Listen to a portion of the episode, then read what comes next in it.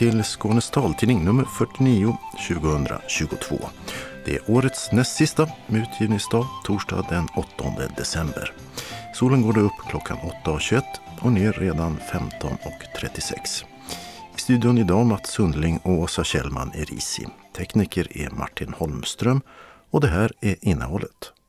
Uteblivna bilar, dålig ledsagning och många missförstånd. Resenärer ger färdtjänsten i Malmö hård kritik. Jag kan säga att innan coronatiden var färdtjänst i Malmö jättebra.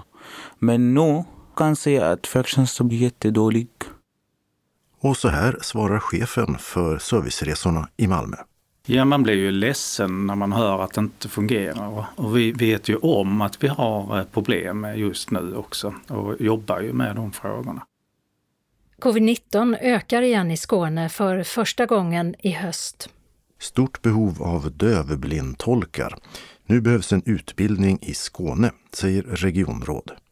Protester i Lund efter minskad gatubelysning.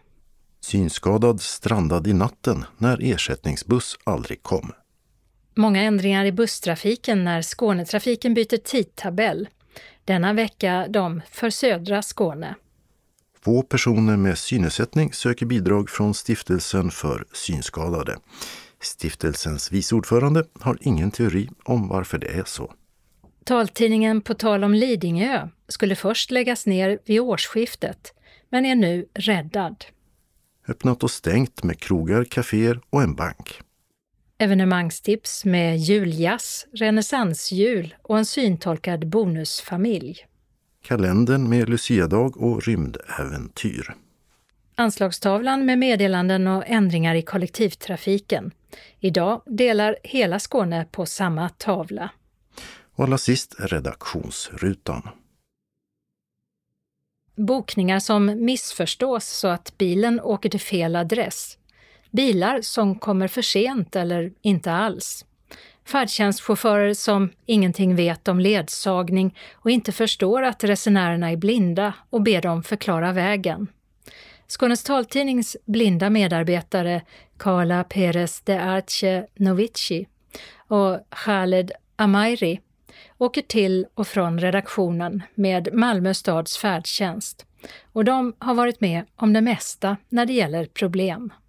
För mig generellt sett så tycker jag den funkar relativt bra, men många resor innehåller väldigt många, vad ska man kalla det, små brister som eh, drar ner mycket på kvaliteten. Jag kan säga att innan coronatiden var färdtjänst i Malmö jättebra. Men nu kan jag säga att färdtjänsten blir jättedålig. Att boka beställningarna tänker jag att där har det funkat ganska bra. Ibland har det varit eh, vissa svårigheter med att eh, beställningen inte uppfattas eller att det blir eh, missuppfattningar i adress och sådär. Att det är svårt att kommunicera till telefonisterna att man ska till en viss plats, man behöver en viss typ av hjälp och där finns det också brister. Exempelvis när resor bommas, om man får en snabbbil eller inte, och om chauffören kommit eller inte kommit. Så att det, just eh, bokningar och när man behöver få information om försenade resor. Så där tycker jag det finns eh, vissa brister. Och hur funkar det när det gäller bokningen och att få fram till förarna att ni faktiskt inte ser? Jag eh, anger på beställningen Eh, om jag behöver extra hjälp och an, att jag anger då om jag behöver hämtas eller lämnas vid entrén och sådär. Och där, om det står till exempel i mitt ärende då att jag är synskadad, om det står i förväg eller inte och att det antingen uppfattas eller inte uppfattas av vissa chaufförer. Och att den här informationen ibland inte kommer fram till chaufförerna också. Så att det kan vara motstridiga uppgifter när det gäller synskada och vilken typ av hjälp man behöver. Det gör det väldigt besvärligt. Och det har hänt eh, ofta att eh, chaufförer kommer fram till platsen men stiger inte av sin bil och meddelar inte att de har kommit, att det är en färdtjänst eller någonting utan kör iväg när jag inte reagerar. Och då eh, skriver de in att resan är bommad. Det gör det väldigt eh, besvärligt eftersom de enligt färdtjänstreglerna ska åtminstone stiga ur bilen och meddela att eh, är det du som ska ha färdtjänst eller åtminstone säga vilket namn de ska hämta upp. Khaled, vad tycker du om bokningen? Hur fungerar den? Det finns massa problem med bokningen. Kundtjänst till exempel. Ibland de skriver eh, fel adress. De gör mycket fel. Inte bara för mig, för många av eh, kunder. Jag träffar dem i bilen. De klagar alltid om detta. Om min situation när jag beställer färdtjänst. Jag säger till dem alltid att jag är blind och jag behöver hjälp. Ibland de skriver, ibland de skriver inte. Men eh, du menar att eh, redan när du beställer bil så ska det framgå vid ditt namn på beställningscentralen att du är blind? Ja, det blir lättare för mig och för dem. Och du har råkat ut för att eh, chaufförer har krävt att du ska förklara hur det ser ut utanför bilen för dem vart du ska. Ja, det händer ibland att de vill att jag beskriver till dem var ligger den här platsen som jag ska åka till. Och ibland också, det är en annan sak, de vill inte komma och möta mig vid entrén. Karla, det här låter ju lite som det liknar vad du råkar ut för också. Ja, absolut. Till exempel att eh, då chaufförer förväntar sig att man eh, ska beskriva vart de ska. Vilket eh, vissa kanske kan göra men i andra fall kan man inte. Och att chaufförer blir väldigt upprörda. Det är en konstig inställning, tänker jag, att förvänta sig en, en sådan körhjälp nästan. Okej, okay, körhjälp. Men hur är kommunikationen, kontakten med chaufförerna i allmänhet? Det går liksom inte ihop att man kan ha en väldigt trygg och bekväm resa men så brister det väldigt mycket i, i ledsagningen och hur chaufförerna kommunicerar i, i anslutning till ledsagning. Om de nu ledsagar från eh, entré till bilen att de liksom, vilken hjälp behöver du? Eller hur kan jag stötta dig på bästa sätt?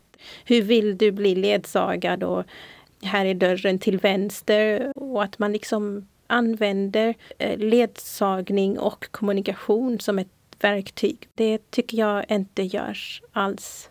Utan antingen så brister ledsagningen eller så brister kommunikationen. Det är ett stort problem. Chauffören eh, kommer och säger bara hej hej kom nu och så tar de tag i, i eh, min jackarm eller hand eller och, och dra iväg med mig och gå liksom snabbt till bilen. Eller att man föser resenären framför sig till dörren eller sitsen eller vad det kan vara. Det kom en chaufför och hämtade mig. Men han stod vid dörren och jag visste inte att han bredvid mig. När jag ringde honom, jag visste att han bredvid mig. Han kan ju inte ha förstått att du inte såg honom. De skrev till honom att jag är blind. Frågade du honom eller sa du till? Jag att... frågade honom, har de skrivit till dig? Han sa ja. Men kanske han vet inte vad betyder blind eller vad betyder synskadad. Man skulle ju nästan kunna tänka sig att det här gäller vissa enskilda fall men alltså det här är så vanligt förekommande, i alla fall för min del, de här bristerna. Just då dåligaste att eh, den här tiden när man vill beställa färdtjänst, man måste beställa en timme innan. Jag tror det är inte så lätt för eh, resenärer. Och också chaufförer som vet inte hur kan de hjälpa människor. Det är jättedåligt. För min del så tror jag att en av eh, de värsta resorna som jag har varit med om var då en chaufför meddelade att han skulle hämta upp en kollega. Och eh, även om resan gick bra och eh, chauffören inte var otrevlig så var den aspekten av resan ett av de mest obehagligaste jag har varit med om. Där jag kände mig utsatt och inte trygg alls. Och det ska ju såklart inte förekomma under en färdtjänstresa. Uh, känner du dig trygg när du använder färdtjänst? För mig själv, jag känner att det är okej för att jag kämpar själv och jag försöker att gå själv och komma till bilen själv. Det är inte så mycket problem. Men för andra, det är inte så bra. Du Karla har varit med om att bilen åker till den adressen som du ska till för att hämta upp dig istället för tvärtom. Stämmer det? Ja, det stämmer. Man skrattar egentligen för att det är så befängt men eh, man står och verkligen väntar och eh, stressar över tiden eh, och får besked. Ja, men bilen står men adressen har bokats fel av telefonister och sådär. Så att det gör resorna väldigt besvärliga. Har du varit med om det själv? Att bilen har åkt hem till dig eller till dagiset istället för att hämta här? Ja, det hände flera gånger. Och de säger alltid att uh, i kundtjänst de skrev fel. Ja. Vad händer för dig då? För mig det blir mycket svårt och jag blir uh, mycket orolig. Och jag beställer privatbil och betalar själv. Hur många gånger har du gjort det? Flera gånger, inte en gång eller två gånger. Karla? Jag tänker att här är det ganska anmärkningsvärt hur mycket man som resenär försöker dämpa olika situationer och försöker liksom på något sätt lappa ihop de här bristerna. Man betalar taxiresor för att bilen antingen inte kommer eller de är väldigt sena eller de bommas eller adresserna blir fel. Eller att man, när det brister i ledsagning och kommunikation, hur mycket man själv försöker eh, man liksom hittar olika strategier och det ska man ju egentligen inte behöva. Har du också betalt taxiresa ur egen ficka? Jag har behövt göra det flera gånger. Särskilt när man eh, får besked om att bilen kommer snart. Jo, men den kommer om en kvart och den kommer om nästa kvart och så väntar man i flera kvartar tills man till slut ger upp eh, efter en timme eller en och en halv och tänker att nej, nu måste jag Eh, komma dit jag ska. Eh, och då har, har jag och eh, Khaled och troligtvis många andra behövt hitta andra färdsätt och betalat ur egen ficka. Avslutade Carla Perez de Arce Novici, som liksom Khaled Amairi använder Malmös färdtjänst till och från jobbet på taltidningens redaktion. Reporter var Dodo Parikas. Och vi lät enhetschefen för serviceresor i Malmö, Lars Hellström, lyssna på intervjun med Kalle Damairi och Karla Perez Darsenovitski och deras synpunkter på hur färdtjänsten fungerar för dem. Nej, nu måste jag eh, komma dit jag ska. Eh, och då har, jag och eh, Khaled och troligtvis många andra behövt hitta andra färdsätt och betalat ur egen ficka. Så, där var det slut. Mm. Lars eh, Hellström, när du lyssnar på Khaled och Karla här, vad tänker du? Ja, man blir ju ledsen när man hör att det inte fungerar. Och vi vet ju om att vi har eh, problem just nu också och jobbar ju med de frågorna. Det är många olika delar i det här som också beskrivs i inslaget. Att eh, det är alltifrån beställning till att man sen ska kunna genomföra sin resa. Och när man pratar med kundtjänst och hur får man besked. Så att det är inte alldeles enkelt att rätta till allting på en gång utan här får vi jobba lite långsiktigt på det. Men det är tråkigt att eh, man upplever att det inte fungerar. För vi vill ju att det ska fungera för alla. Det är ju därför vi finns till. Men det här till exempel när det gäller kommunikationen och ledsagning, att man då tar tag i jackan och föser eller inte säger att här är min arm, vill du ta den eller någonting sånt. Har ni inte haft utbildning på det här? Jo, det har vi. För det första så har de trafikleverantörerna som kör uppdragen till oss, de har en skyldighet att se till att alla förarna är utbildade för den typen av köruppdrag som man faktiskt gör. Sen så har vi ju sett och hört synpunkter många gånger att det inte alltid fungerar så som man har tänkt. Och det är även om vi backar tillbaka historiskt. Och därför har vi ju sedan ett år tillbaka satsat väldigt hårt på att genomföra förcertifiering. Som är både en utbildning men också en kontroll på att man uppfyller de kraven som vi faktiskt ställer i våra avtal. Och där har vi i dagsläget ungefär 300 förare som eh, är certifierade. Så alla är inte klara ännu.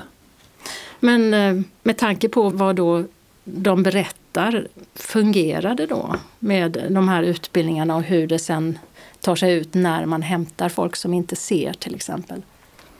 Ja, det är ju vår förhoppning att det ska fungera. Sen så är det ju så att i de här uppdragen så ibland kör man färdtjänst och kanske huvuddelen kör man privat taxitrafik. Eh, och inte kör så många färdtjänstresor. Så att det är väldigt stor eh, omsättning på förare i eh, de här uppdragen. Och det, det ser vi som en brist. Att det är alldeles för många olika förare inne och kör i verksamheten. Och man kör för sällan ibland. Och det behöver vi åtgärda här framöver i kommande avtal, hur det ska hanteras. Och hur eh, ska ni göra? Har du någon idé? Ja, det har vi, men eftersom vi sitter och funderar på en upphandling så får jag inte på grund av upphandlingssekretess eh, berätta exakt hur vi tänker. Men om vi har många förare inne, då är det många som ska utbildas. Det är många som hela tiden ska vara uppdaterade på vad som gäller. Och det är kanske alldeles för mycket förare inne utan vi behöver hitta sätt att begränsa antalet förare på något sätt. Sen måste man ju ha vikarier och sånt såklart. Bara två mil bort i Lund, där har färdtjänsten under många år haft stora problem med bilar som kommer sent eller inte alls, bemötande och så vidare.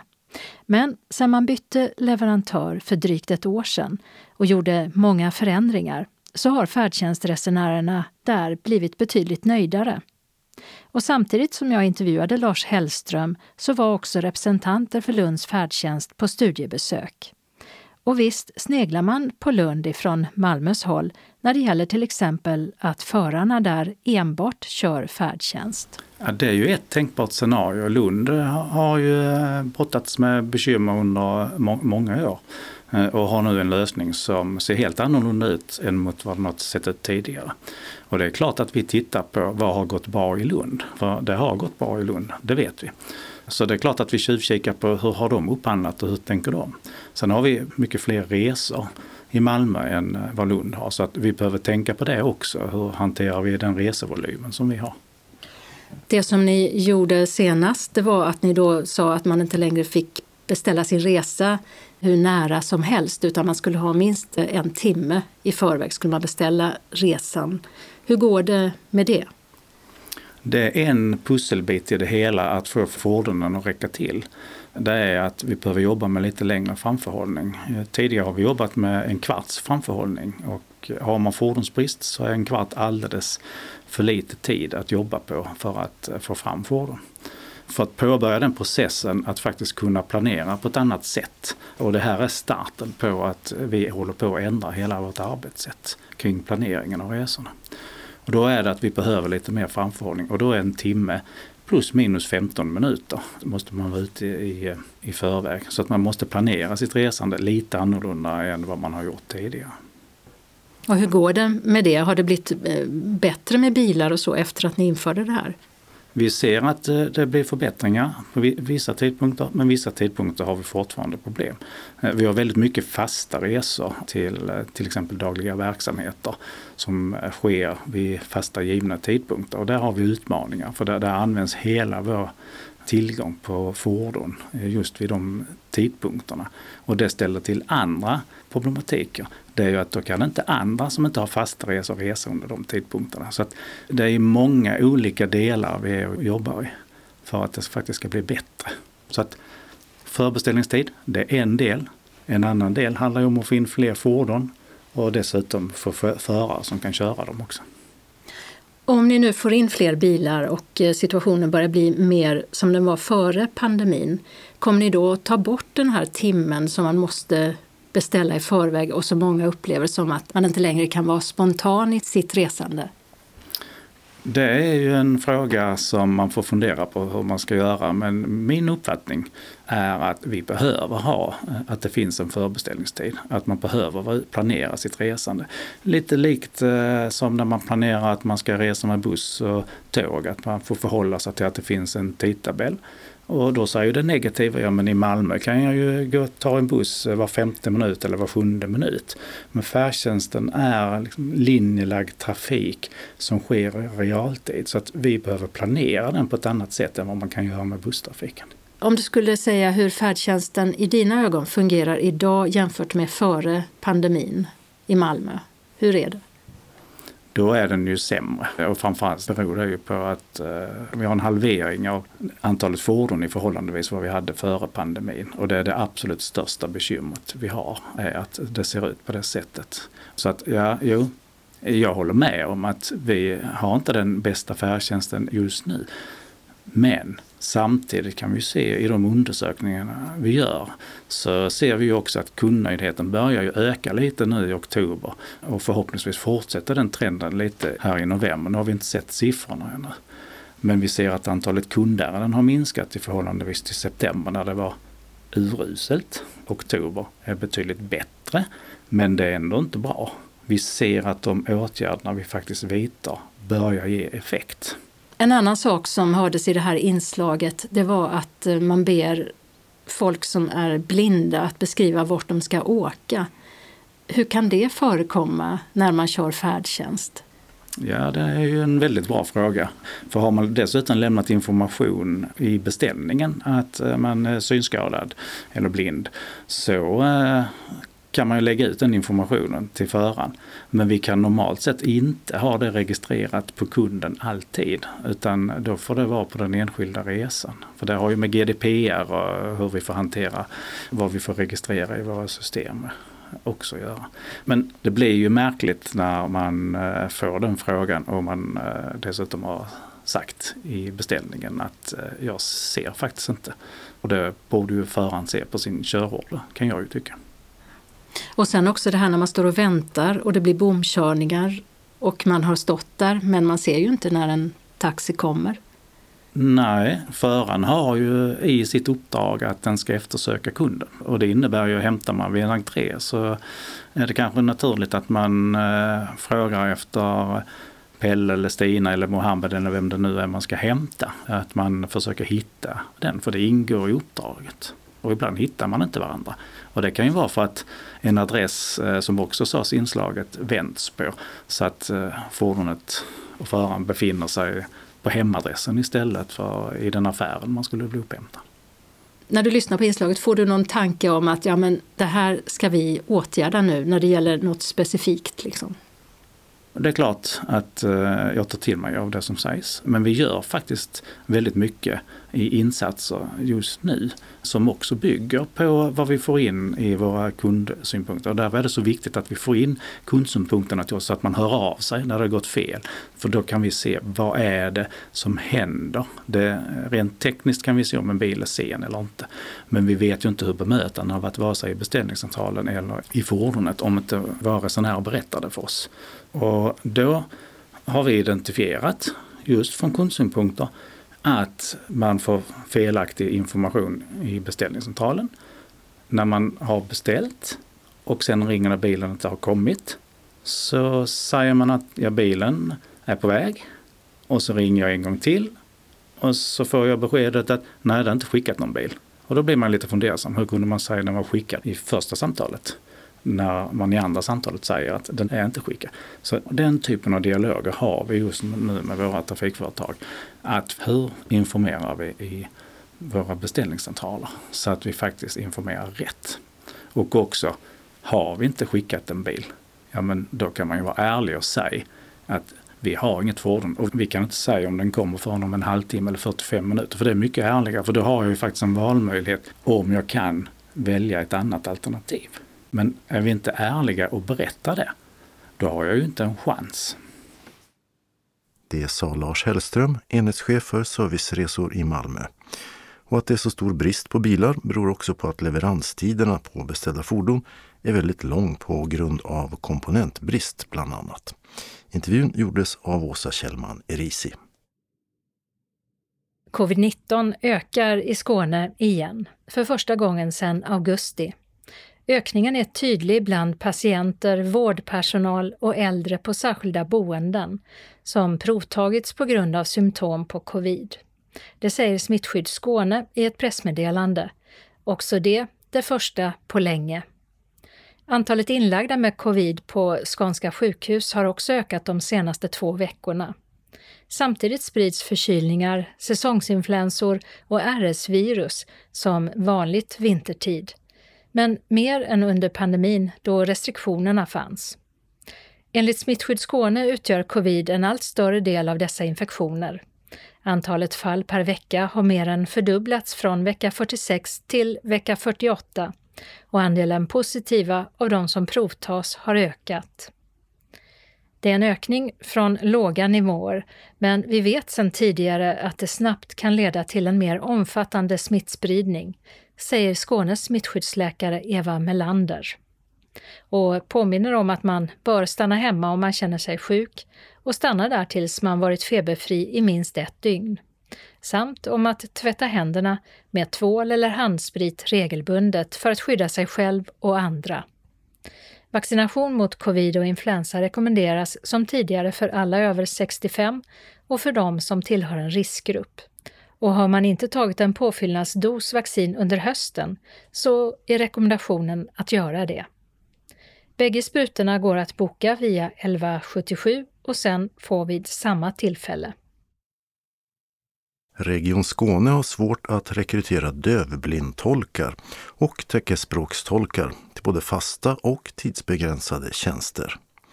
Det är framförallt när det behövs tolk till fritidsaktiviteter som bristen visar sig. Per Einarsson är kristdemokratiskt regionråd och ordförande i psykiatri, habiliterings och hjälpmedelsnämnden. Den har skrivit ett brev till utbildnings och arbetsmarknadsdepartementen och där påtalar man bristen på tolkar och att det behövs fler utbildningsplatser till Skåne och de södra delarna av landet när det gäller teckenspråkstolkar. Vi har ju sett att här är det brist och eh, då funderar vi också på varför är det brist på eh, tolkar och eh, då ser vi att det handlar ju också om att man har flyttat utbildningsplatserna norrut. Och då sa vi att det här måste vi synliggöra men också synliggöra eh, bristen på tolkar överhuvudtaget. Det är ju så att när man blir intresserad av en utbildning så ser man ju var i landet är detta och så blir det kanske då ett hinder om man ja, har kanske bildat familj eller den man bor ihop med har liksom ett läge man inte kan flytta hur som helst. Det är därför vi ser vikten av den geografiska placeringen. Vad innebär det att det är svårt att få tag på dövblindtolkar och teckenspråkstolkar? Ja, det innebär ju att man ibland tvingas säga nej och det är det som gör ont. Att uh, inte få den uh, viktiga delen med i, i, sin vardag och i sitt liv som det är helt eh, en väldigt avgörande del om man är beroende av teckenspråks eller dövblindtolk. Så är det ju ja, det är livet det handlar om. Så det gör verkligen ont när vi tvingas säga nej. Jag får brev och jag får ett antal när det händer så att säga. Jag tycker att det har ökat de senaste åren och åren. Men vad är det för eh, situationer som man då inte får eh, hjälp med, eh, till exempel en dövblind tolk? Handlar det om fritiden eller handlar det om till exempel kontakter med vården eller ja, vilka situationer? Ja, då har vi ju beslutat eh, om en prioriteringsordning. Det är då inordnat så att högsta prioritet, ja det är akuta uppdrag som har företräde framför andra uppdrag när tolkbrist föreligger. Och så har man det högsta prioritet och sen har man något som heter hög prioritet och sen har vi övriga uppdrag.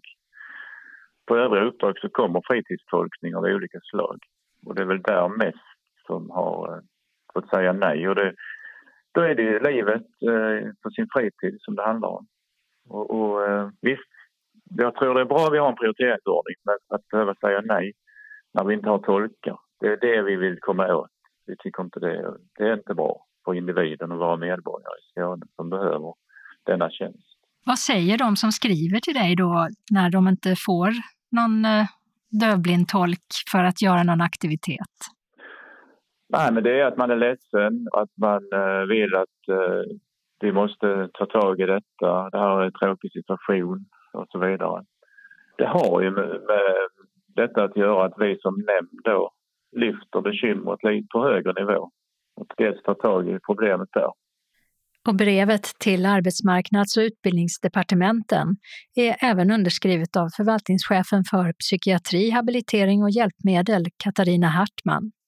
Men ännu har inte regeringen svarat på brevet om bristen på teckenspråks och dövblindtolkar och behovet av fler utbildningsplatser. Det har vi inte fått, men vi följer det med, med stort intresse och även att man på eh, Sveriges kommuner och regioner SKR också liksom är med och lobbar och jag tror man ser det nationellt också som ett bekymmer. Ni tar också upp att lönenivåerna bör ses över. Har de för låg lön för att locka folk att bli teckenspråkstolkar och dövblindtolkar? Alltså lönefrågan kommer ju upp inom alla yrkeskategorier och jag tror den har en viss betydelse. Sen handlar det om många andra delar eh, med trivsel på arbetet. Och, och eh, visst, jag, jag, kan tycka att den är ett snäpp för låg. Verkligen. Sen är jag glad att eh, vi ändå har medarbetare som talar för det här, för de blir ju ambassadörer. Alltså att väcka nyfikenhet på yrket, locka fler som utbildar sig. Man åker även ut på gymnasieskolor och berättar om, om det här yrket som ett spännande och intressant yrke. Och, eh, även locka hit nyutbildade, att man försöker det från våra medarbetare på tolkcentralen. Det sa Per Einarsson, regionråd och ordförande i psykiatri, habiliterings och hjälpmedelsnämnden. Reporter var Åsa Kjellman Erisi. I Lunds kommun har man sedan i oktober sparat in på gatubelysningen en halvtimme på morgon och kväll. Dessutom har ljusstyrkan dämpats på den gatubelysning som kan fjärrstyras. Men många har protesterat mot förändringen och nu har tekniska förvaltningen gjort en justering av tiden till en kvart som gatubelysningen släcks tidigare och tänds senare morgon och kväll. Och till Sydsvenska Dagbladet säger kommunstyrelsens vice ordförande Rasmus Törnblom, Moderaterna, citat. I beslutet i tekniska nämnden så framgår att förändringen skulle genomföras utan att trygghet och säkerhet försvinner. Styrets politiska bedömning är att trygghet och säkerhet har påverkats av förändringen, säger han. Framförallt finns det en oro främst om att cyklister och gångtrafikanter inte syns tidig morgon och kväll i trafiken. Och nu ska tekniska förvaltningen följa om den här förändringen är tillräcklig eller om det behövs ytterligare justeringar. I Trelleborg har kommunstyrelsen också beslutat om hur man ska spara energi. Och där handlar det bland annat om att sänka inomhustemperaturen i offentliga byggnader, justera tiden som gatubelysningen är tänd och justera temperaturen i vissa simbassänger och dra ner på öppettiderna för bastubad. När det gäller julbelysningen släcker man all julbelysning mellan 10 på kvällen och 6 på morgonen. Och det blir inga kommunala eldrivna ljusstakar och julstjärnor. Och vi har tidigare berättat om synskadade personer som tycker att det är svårare att orientera sig när gatubelysningen släcks ner. Förra helgen blev flera resenärer strandsatta i Ystad mitt i natten när bussen som skulle ersätta tågtrafiken österut aldrig kom. En av dem var synskadade Peter Weichel, det skriver Ystads Allehanda. För tidningen berättar han att han var medveten om att banarbeten pågår. Och för att vara säker på att komma hem till Tomelilla kollade han först i appen att ersättningsbuss skulle gå och när. Och i Ystad talade han med personal i gula västar som försäkrade att det skulle finnas personal på plats också vid midnatt. Men ersättningsbussen dök alltså inte upp och det fanns ingen personal på plats att fråga. Inte heller svarade någon i Skånetrafikens kundtjänst. Tillsammans med andra strandsatta tog sig Peter Weichel till sist hem med en taxi de lyckades stoppa. Skånetrafiken har svarat tidningen att de vid tillfället inte fick reda på att bussen inte kom och att det externa bussbolaget sedan först uppgett att bussen enligt chauffören gått som planerat och sen att den gick väsentligt senare. Så får det enligt avtalet inte gå till. Bussbolaget ska larma Skånetrafikens ledningscentral om det blir bekymmer.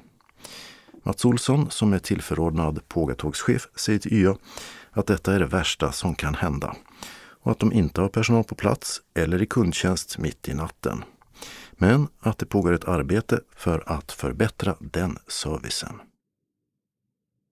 Skånetrafiken byter tidtabell nu på söndag den 11 december. Och det betyder som vanligt en rad ändringar i hur trafiken körs. I år fler än vanligt så i detta nummer tar vi några av de större ändringarna i södra Skåne medan den norra halvan får vänta en vecka. Och vi börjar i sydvästra Skåne och med regionbussarna. Först två mellan Malmö och Lund. Linje 131 kommer från söndag att starta från Värnhem istället för Södervärn. Mellan dessa busstorg går det andra bussar. Linje 139 drar in vissa turer till Malmö och kör då bara mellan Lund och Lomma. Från Lomma kan man istället åka till Malmö med linje 132 eller Pågatågen. Övriga turer stannar inte längre på Malmö C utan får Värnhem som ändhållplats. Linje 141 tar en ny väg i Svedala och stannar vid två nya hållplatser. Södra Ellenborgsgatan och den nya ändhållplatsen Svetsaregatan som ersätter Industrigatan. Linje 146 stannar nu vid hållplatsen Trelleborg Allén nära Söderslättsgymnasiet. Regionbuss 155 får Brunnshög som ny ändhållplats och kör inte längre till Lund C. Dit går istället ettans spårvagn. I Brunnshög byter bussen nummer till 168 och kör till Värnhem och Södervärn i Malmö. Linje 157 läggs ner och ersätts av linje 175 mellan Flyinge, Gårdstånga och Eslöv. Regionbuss 160 kommer inte längre att köra till och från Sjöbo, vilket väckt protester där. Utan istället mellan Lund och Veberöd Östra. Mellan Sjöbo och Lund kör istället Skåneexpressen 5 eller 8. Och den sistnämnda stannar också på hållplatsen Klostersågen. Linje 162 kör oftare mellan Dalby och Genarp och de anropsstyrda avgångarna försvinner.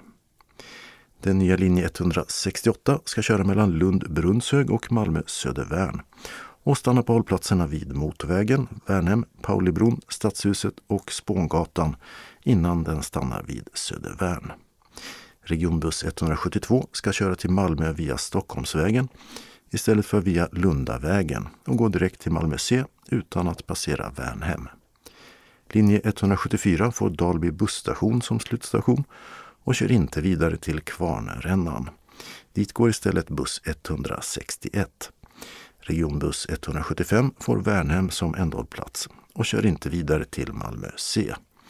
Den andra änden av linjen förlängs till Gårdstånga och fortsätter till Eslöv som ersättning för linje 157 som alltså läggs ner. Linje 177 är en ny pendlarlinje med dubbeldäckare mellan Staffanstorp och Malmö C.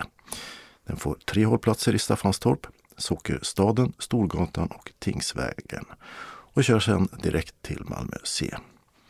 Regionbuss 100 förvandlas till den nya Skåneexpressen 15 och den kommer att köra med dubbeldäckare mellan Skanör, Höllviken, Vellinge och Malmö C.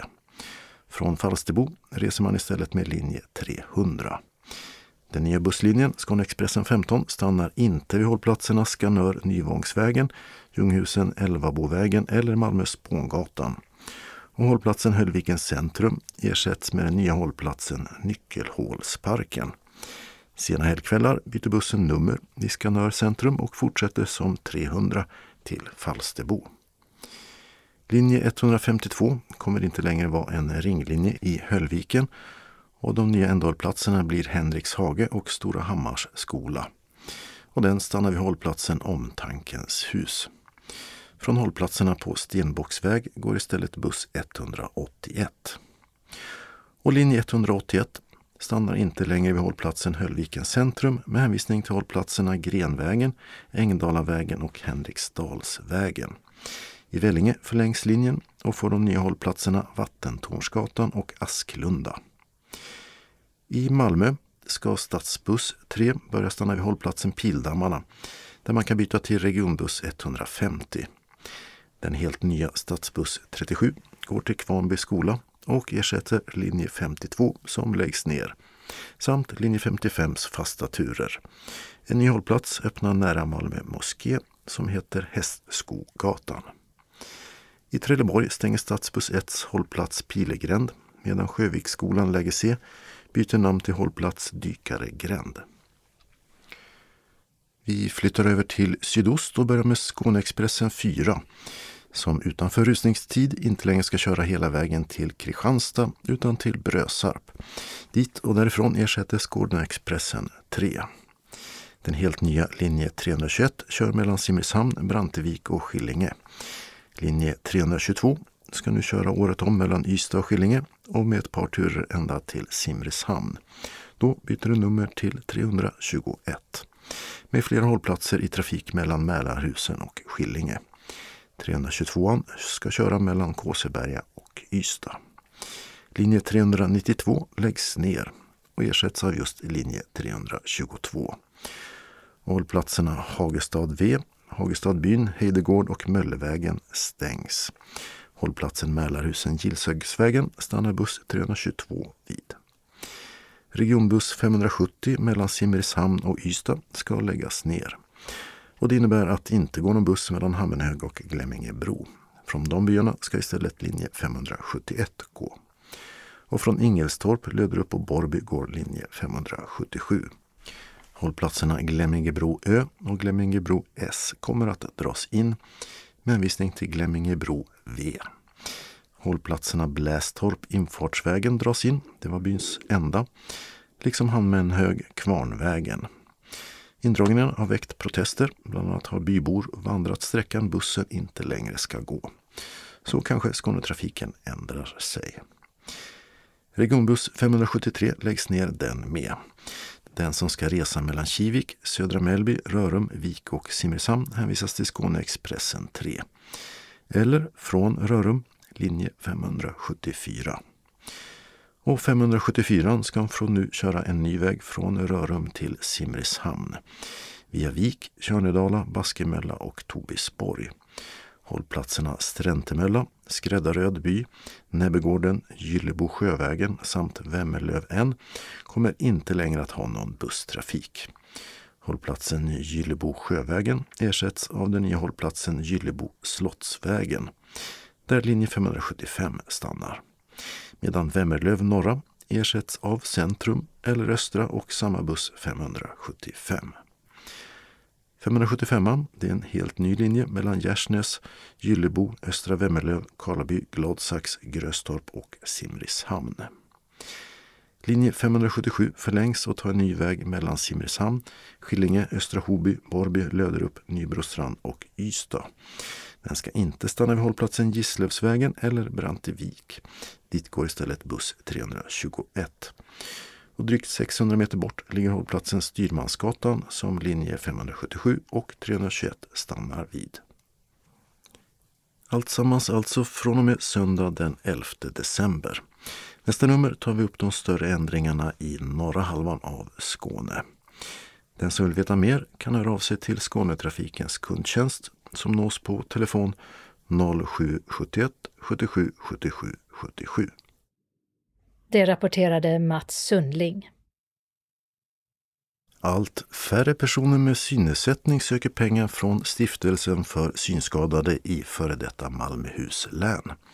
Just nu pågår en ansökningsperiod och Ulf Olsson, stiftelsens viceordförande, vet inte hur många ansökningar som hittills kommit in. Men under vårens ansökningsperiod var intresset rekordlågt. Jag tror vi fick in tre ansökningar. Och en var då en som var boende i Kristianstad län, så det kunde vi inte bevilja. Så att det, det är väldigt, väldigt trögt.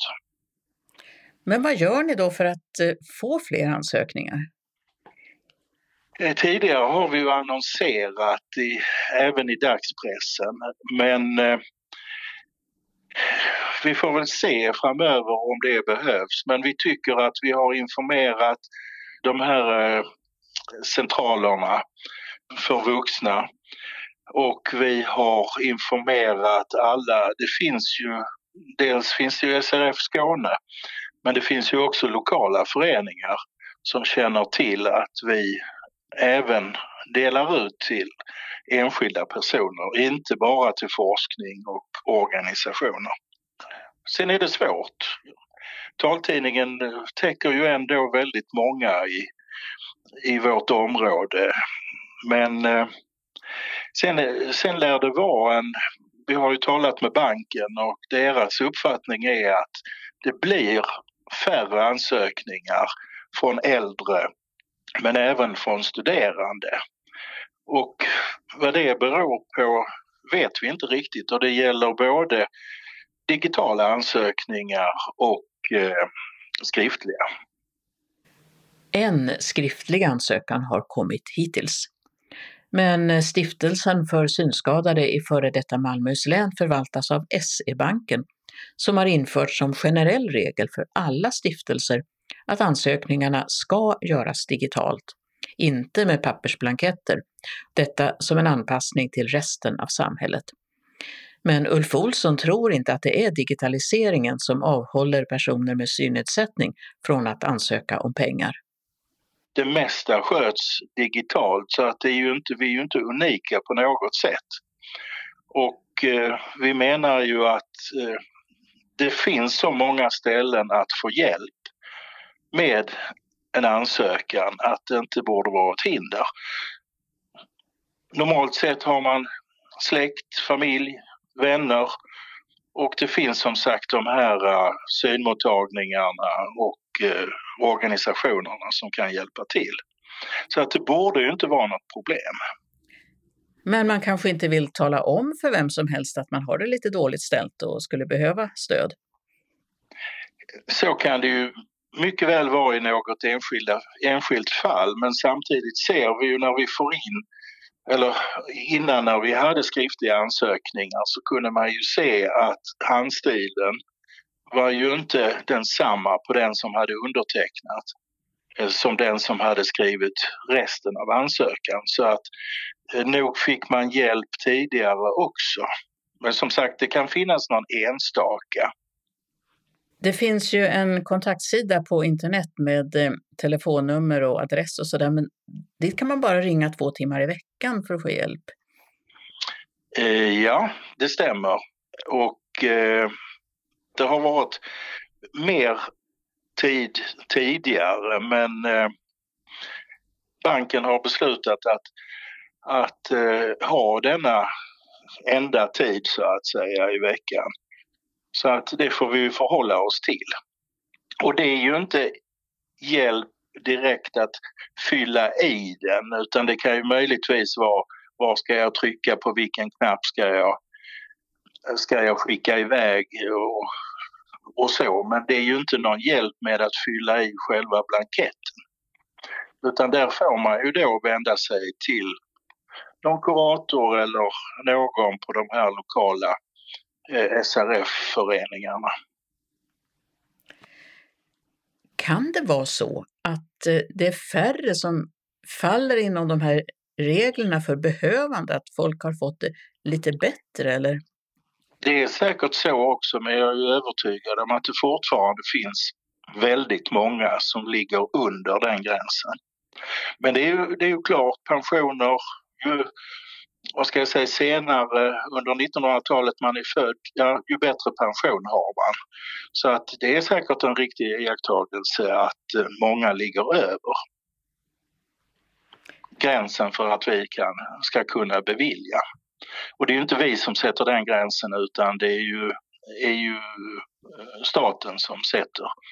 Och det är ju beroende på eh, olika faktorer hur inflation och prisutveckling har varit och hur statslåneräntan ligger. Vid ansökningstillfället i våras var gränsen för att få bidrag ur fonden en årsinkomst under cirka 190 000 kronor. Den gränsen kommer att höjas nu på grund av inflationen och höjda räntor, men Ulf Olsson har ingen exakt siffra ännu. Och man kan inte söka bidrag för att man har det dåligt ställt i största allmänhet det vi kan bevilja bidrag till är ju det som har med synen att göra. Någon kanske ansöker om varma vinterkläder. Det har ju inte med synen att göra och därför enligt eh, stiftelsens stadgar kan vi inte bevilja det utan det är glasögon, olika hjälpmedel som då de här eh, syncentralerna inte ställer upp med. Det kan vara en kraftigare TV, en bättre mobil, den typen av, av hjälpmedel. Och sen gäller det ju också att synen på bästa ögat får max vara 0,3. Kan man säga att möjligheten att få pengar ökar när det är färre som söker? Att...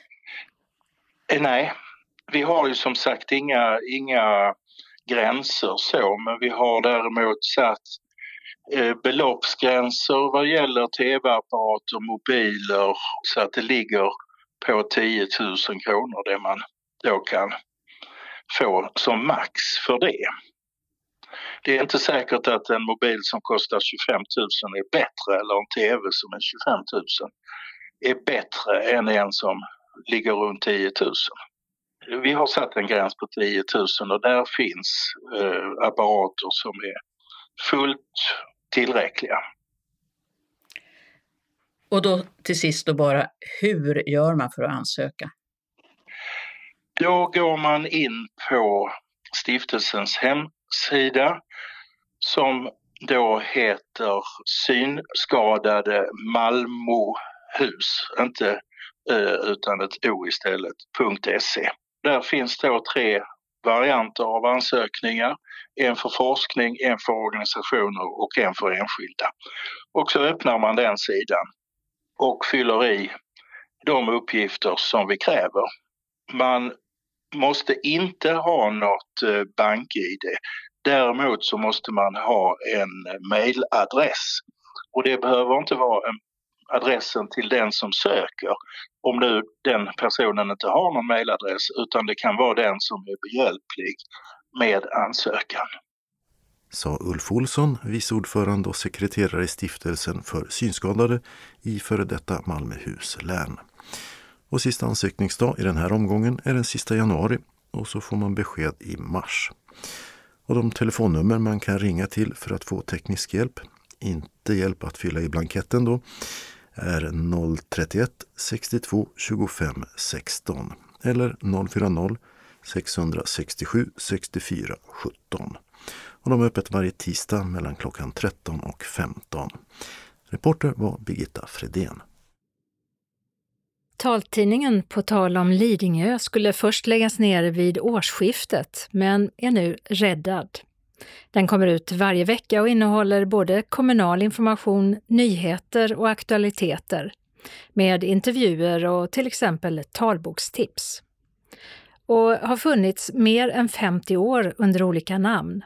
Men i november meddelade tjänstemän att taltidningen skulle läggas ner eftersom kommunen gjort sin hemsida tillgänglig och av kostnadsskäl efter upphandling skulle kostnaderna för kommunen stiga från 70 till 130 000 kronor om året. Men efter protester från både Synskadades riksförbund och Taltidningsproducenternas förening ändrade sig Lidingö stad och avser inte längre lägga ner på tal om Lidingö. Kommunstyrelsens moderata ordförande Daniel Källenfors säger att taltidningen fyller en viktig demokratisk funktion som inte enkelt kan ersättas av andra hjälpmedel. Öppnat och stängt. I Ängelholm har Nordea flyttat från Stortorget till Storgatan 26. På köpcentrat Väla i Helsingborg har herrklädeskedjan Brothers öppnat en ny butik efter att ha tvingats stänga ett antal de senaste åren.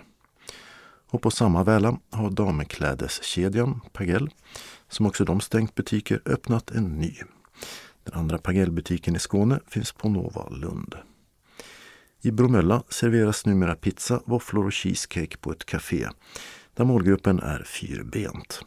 Adressen till hundcaféet för ett sånt är Ungsvägen 4B, vägg i vägg med en veterinärmottagning. I Malmö stadsbibliotek har kaféet och restaurangen Bok och Klok gått i konkurs och stängt för gott. I Malmö har restaurangen Tai Tai stängt efter många år på Södra Förstadsgatan 91. Där har istället Miss Vietnam öppnat. En restaurang med just vietnamesiskt på menyn. Evenemangstipsen börjar med en syntolkad bonusfamilj, närmare bestämt den syntolkade långfilmsuppföljaren till tv-serien Bonusfamiljen där Marianne Mörk fortsätter utan Lillbabs vid sin sida, som i avsnitten där de två spelade ett par innan Lillbabs gick bort.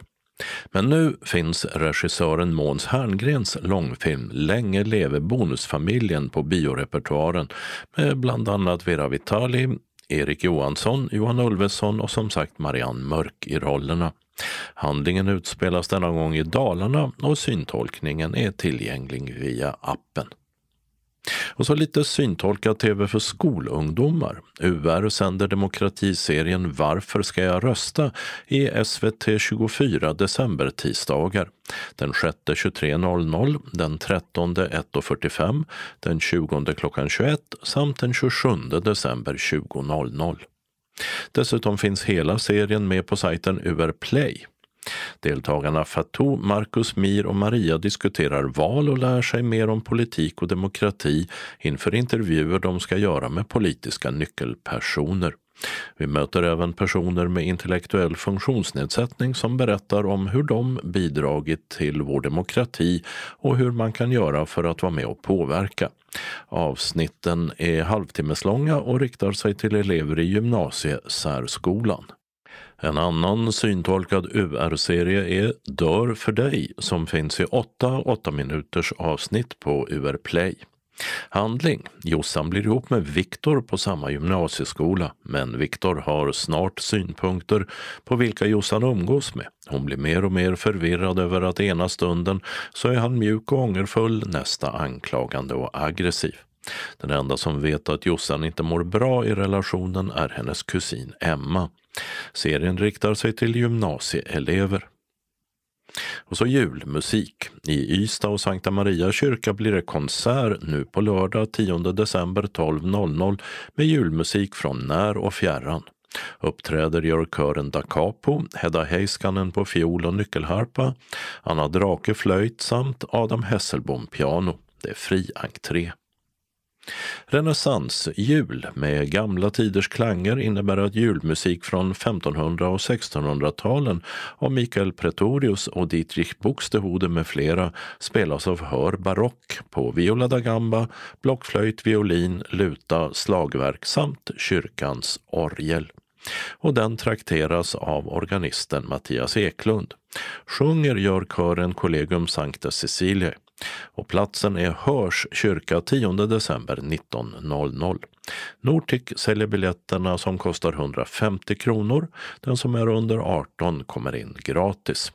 Och vill man höra organisten Mattias Eklund berätta om julmusikkompositören Mikael Pretorius innan man lyssnar på dennes musik kan göra det 18.00 samma dag i Hörs församlingshem och det kostar 30 kronor och biljetterna dit säljs endast på plats och glögg och pepparkaka serveras mellan föreläsning och konsert.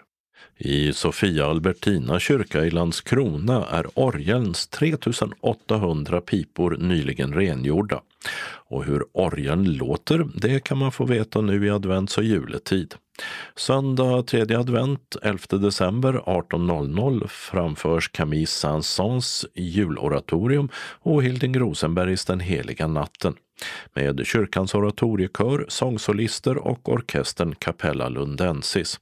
Biljetter kostar 120 kronor via Tixter samt på församlingsexpeditionen Artillerigatan 2 eller i kyrkdörren från en halvtimme innan konsertstart. Och på juldagen 25 december 16.00 med insläpp från 15.30 är det orgelkonsert med julmusik från olika länder och tidsepoker spelad av kyrkans organist Fredrik Albertsson. Dit är det fri entré. I entréhallen på Dunkers kulturhus i Helsingborg blir det Lucia-tåg med jul och luciasånger 13 december 17.30 till 18 med Kulturskolans körer. Det är fri entré. Och det är det även till konsertsalen på Dunkers några dagar senare, lördag 17 december 18 till 19. Då blir det festmusik med blandade rytmer framförda av elvamannabandet Miramar som består av musiker från Sverige, Egypten, Danmark, Palestina och Syrien och har sin bas i Helsingborg. I Svedala kyrka är det Luciafirande och julmusik 13 december 19 till 20 och det är fri entré. På Bjärehalvön bjuds det Lucia-konsert 13 december 17.00 i Östra Karups kyrka och 19.00 i Mariakyrkan, Båstad. Allsång i julbrådskan anordnas 14 december 19.00 i Perstorps församlingshem, Oderljungavägen 36. Lunds kammarkör julkonserterar i Klosterkyrkan på Väster 16 december 18-19 samt 20-21. Biljetterna kostar 120 kronor för pensionärer, studenter samt barn och unga upp till 18. Den som är under 10 kommer in gratis. Ticketmaster säljer och det gör även före detta biljettbyrån, numera Visit Lund. LTH-kören Jul och Lucia sjunger i Allhelgonakyrkan i Lund 17 december 19 till 20.30. I pausen serveras lussekatt. Pris 100 kronor, studenter 50 och gratis för barn under 12. Biljetter bokas på sajten https kolon snedstreck snedstreck lth bindestreck koren.se biljett och information fås via e-post kontakt snabel lth-koren.se Bachs juloratorium framförs i Hässleholms kyrka 17 december 16.00 av Hässleholms kyrkas vokalensemble, barockorkester och solister under ledning av dirigent Birgitta Roslund. Pris 200 kronor, 100 för unga 7 19. Det är numrerade platser och biljetterna går åt för fullt. Tixter säljer. Ivetofta kyrka i Bromöllatrakten är platsen för Ivetoftakörens julkonsert 17 december 18 19. Det är fri entré. I Höganäs kyrka ges julkonserten A Child is Born 17 december 17 till 18.30 med körerna Voice Celeste, Voice Angelo och ungdomskören. Isella Krantz spelar harpa. Det är fri entré. Julgodis för öronen utlovas när Bell Singers och kyrkokören sjunger julsånger i Södra Åsums kyrka i Sjöbo 18 december 16.00 och det är gratis. Manskören Kvartetterna framför julmusik i Sankta Anna kyrka på Johan Baners gata 65 i Helsingborg 20 december 19-20. Det är fri entré. Juljazz erbjuds 21 december 19.30 med Ekdala Hot 4 på träffpunkten Café Kryddan, Byavången, Byavägen 37, Tomelilla. Arrangör är bland annat Röda Korset. Biljettinformation Visit Lund 046 13 14 15. Ticketmaster 077 170 70 70. Tixter telefon 0771 47 70 70 och Nortic 0455 61 97 00. Kalendern för 2022 års 50 vecka börjar måndagen den 12 december och det är Alexander och Alexis som har namnsdag. 70 år fyller polisen Martin Beck Fast i det här fallet handlar det om skådespelaren Peter Haber, en gång i tiden bland annat verksam på Skånska Teatern i Landskrona. Den senaste Beck-filmen med Haber i rollen som Martin Beck kom i år och heter Den gråtande polisen. Och 50 år fyller den dansk-kenyanske friidrottaren Wilson Kipketer, bäste löpare genom tiderna på 800 meter med tre VM-guld, ett inne-VM-guld samt ett EM-guld. Tisdag 13 december är det inte oväntat Lucia som har namnsdag. Och förhoppningsvis går hon inte tunga fjät som midvinternatten när hon sprider ljus i en på flera sätt mörk tid. I riksdagen är det interpellationsdebatt med eh, bland annat flera frågor om Försäkringskassans personalbrist och därav fördröjda utbetalningar, absoluta tidsgränser i sjukförsäkringen samt Försäkringskassans möjlighet att fullgöra utbetalningar av till exempel pension och sjukpenning även under ansträngda förhållanden. Detta med anledning av det försämrade omvärldsläget. Frågeställarna är socialdemokrater och svarar gör äldre och socialförsäkringsminister Anna Tenje, Moderaterna. Riksdagens webb-tv börjar sända 12.30, då först från ett öppet sammanträde i EU-nämnden. Onsdag 14 december firar Sten samt Sixten namnsdag. 1 januari nästa år inleds Sveriges halvårslånga EU-ordförandeskap och 9.00 denna onsdag sänder riksdagens webb-tv direkt från regeringens information om ordförandeskapet. För 105 år sedan föddes den danska författaren och poeten Tove Ditlevsen produktiv, hyllad och uppmärksammad i hela Norden. I Sverige ofta jämförd med författarkollegan Kerstin Thorvall. självutlämnande och självförbrännande. Som poet debuterade Ditlevsen 1937. Ditlevsen var periodvis drogberoende och hon begick självmord. Och hade den svenska och bitvis skandalomsusade sångerskan Anita Lindblom levt idag skulle hon denna dag fyllt 85 år. Men Lindblom gick bort 2020 och hennes bohag, däribland en hel del verk av Pablo Picasso, auktionerades bort förra året.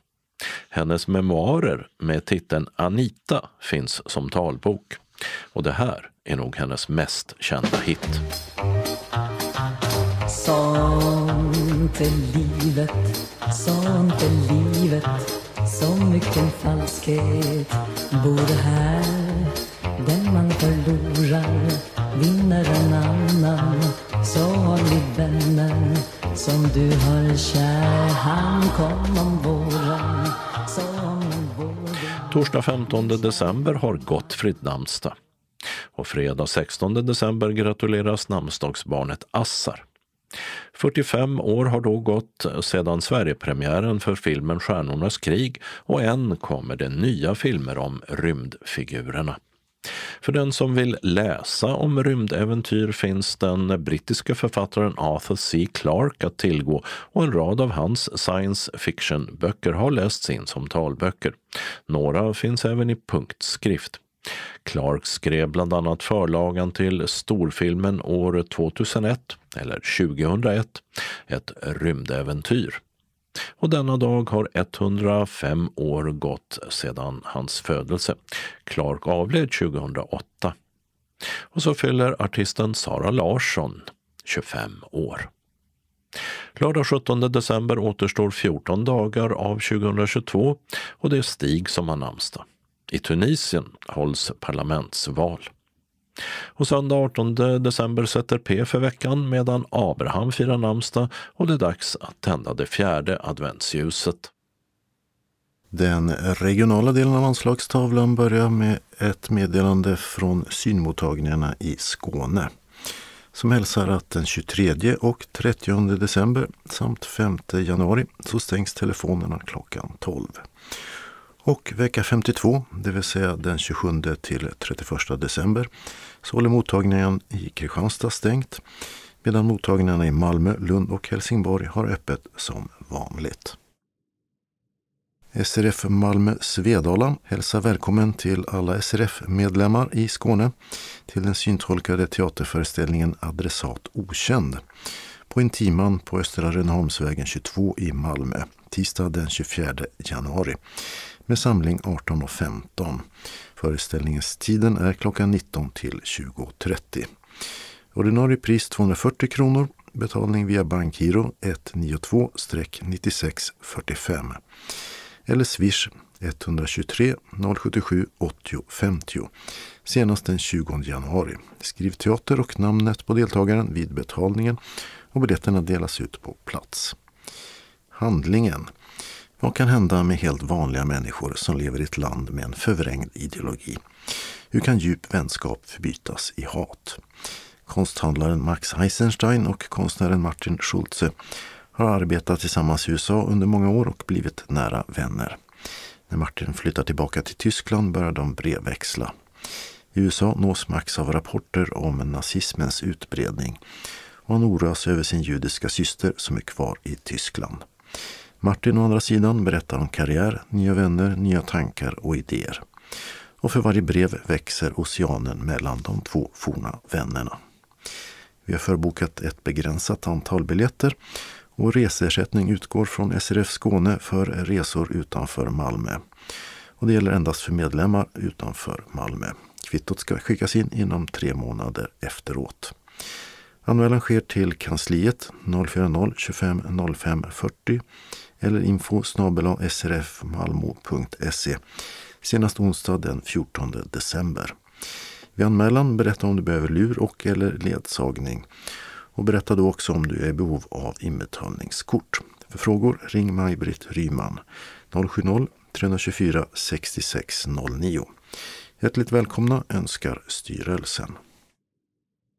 Den lokala delen av anslagstavlan börjar med två meddelanden från SRF Kristianstad-Bromölla. Först en inbjudan till medlemmarna till Knutsfest onsdag den 11 januari klockan 13 till 16.30. Plats Östermalmskyrkan på Lasarettsboulevarden 6. En lättare måltid inleder eftermiddagen och därefter underhåller Bo-Göran Svensson oss en knippe egna låtar varvat med likaså lättsamma Ruben Nilsson, Ove Törnqvist, Stefan Demert och andra. Givetvis hinner vi också med en god fika. En representant från Kristianstads teaterförening kommer för att presentera deras syntolkade program för våren. Eva Håkansson medverkar också. Anmäl dig senast onsdag den 4 januari till Anita Svensson 044 533 09. Om Anita inte kan svara, var vänlig anmäl till telefonsvararen eller ange namn och telefonnummer så ringer hon upp. Det går också bra via e-post till Anita Svensson 109 gmail.com. Anmäl också eventuell matallergi. Varmt välkomna att starta 2023 tillsammans hälsar styrelsen. SRF Kristianstad-Bromölla inbjuder också sina medlemmar till vattengymnastik. Varje fredag klockan 12 till 13 i CSKs varmvattenbassäng. Med start den 13 januari och slut den 28 april. Priset för hela terminen är 300 kronor. Att inbetalas på bankgiro 899-9245 eller swish 123 366 93 48 vid anmälan senast den 5 januari till Anita Svensson som alltså nås på 044 533 09. Anmälan är bindande. Välkommen till en nyttig men skonsam träning för hela kroppen. SRF Lundabygden bjuder in till filmvisning med glögg den 14 december. Äntligen har det blivit dags för lite filmtime och givetvis kommer den vara syntolkad. Vi kommer att visa den stjärnspäckade filmen dag för dag. Det bjuds även på en julsmörgås med julskinka och till det kommer serveras glögg, julmust eller kaffe. Om filmen. Fem personer ger sig ut på en husbilsresa genom Europa för att uppfylla en äldre mans sista önskan. Dag för dag är en livsbejakande komedi med mycket humor och en del allvar. Vänskap utvecklas, kärlek uppstår och livsavgörande beslut fattas. En historia om att det aldrig är för sent att tänka om i livet. Medverkar gör bland andra Sven Wolter, Martina Haag, Thomas von Brömsen, Marianne Mörk, William Spets, Felix Herngren och Peter Magnusson. Vi samlas i föreningslokalen klockan 18 och avslutar klockan 21. Du anmäler dig till kansliet på 046 211 06 74. Och sista anmälningsdag är 12 december. Välkommen! Malmö blindförening hälsar till alla sina medlemmar att vi under 2022 varit fortsatt försiktiga. Vi har inte haft några samkväm, för många har varit sjuka i covid även i år med långvarig hosta och trötthet. Vi finns fortfarande och vi tänker på er och saknar er. Och vi hoppas att nästa år ska bli ett bättre år och att vi ska kunna återuppta våra samkväm igen. Vi önskar er alla en riktigt god jul och ett gott nytt år. Var rädda om er. Varma hälsningar från Malmö blindförening. SRF Malmö Svedala välkomnar till sin dagverksamhet. Måndag den 12 december klockan 13 till 15 träffas vi och umgås med lite fika och diskuterar aktuella nyheter samt läser lite ur tidskrifter. Ibland hinner vi även med frågesport. Tisdag den 13 december blir det bingo mellan klockan 13 och 15.15. 15. Vi serverar kaffe och smörgås eller kaka för 10 kronor. Och du anmäler dig till kansliet 040 25 05 40 om du tänker komma senast klockan 10 samma dag. Efter detta har dagverksamheten sedan stängt till nästa år och börjar igen den 16 januari.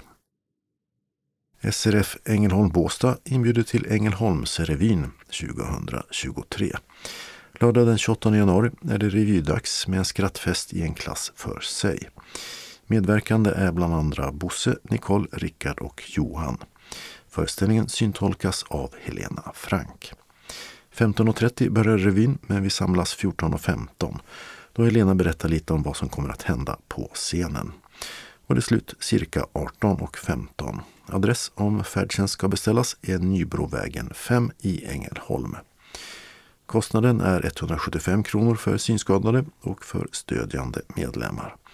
Övriga betalar 350 kronor. Bindande anmälan ska göras senast fredag den 20 januari till Eva-Lena Lindell på 070-665 43 73 eller e-posta till 0431.430917 snabela telia.com. Vill du ha ett inbetalningskort så säg till om det när du anmäler dig.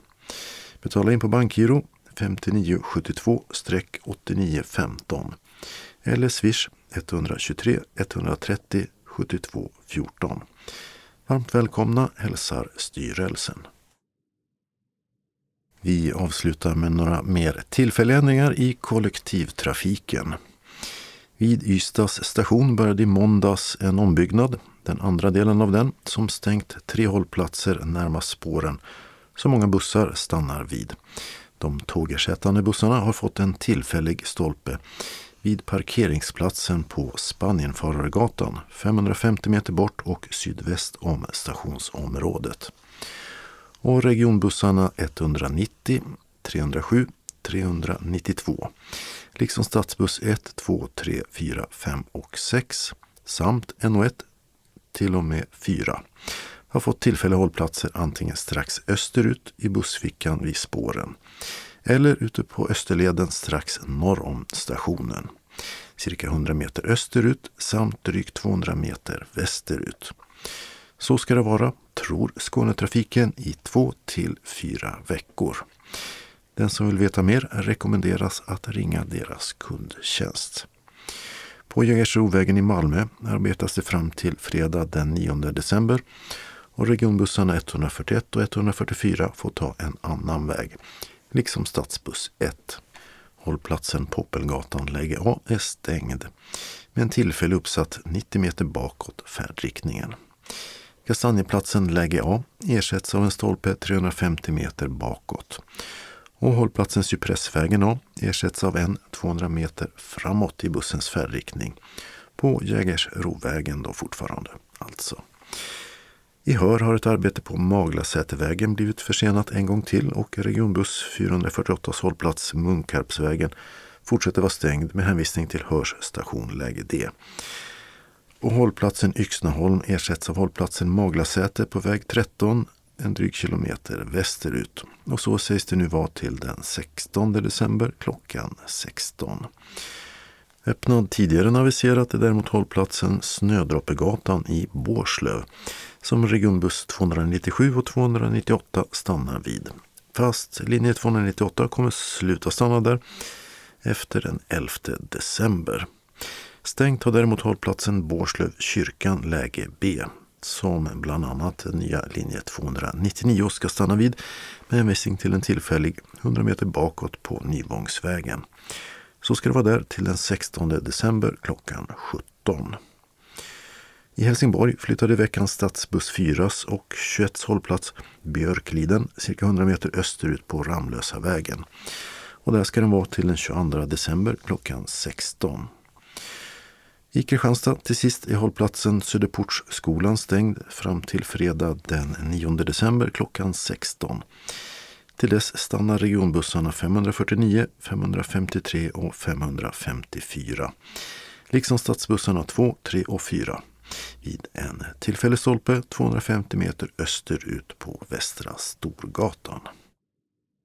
Och det beskedet var det sista i årets näst sista nummer av Skånes taltidning. Det sista numret alltså kommer nästa torsdag den 15 december. Sen tar vi jullov och återkommer i vecka 1 2023. Så eventuella meddelanden som bör med innan årsskiftet måste vara oss tillhanda senast fredag den 9 december. Vi hörs igen. Skånes taltidning ges ut av Region Skånes psykiatri och habiliteringsförvaltning. Ansvarig utgivare är Martin Holmström. Postadress Jörgen Ankersgatan 12, 211 45 Malmö. Telefon 040-673 09 70. E-post Skanes taltidning snabela skane.se och hemsida skanestaltidning.se. Vi hörs igen. Hej då!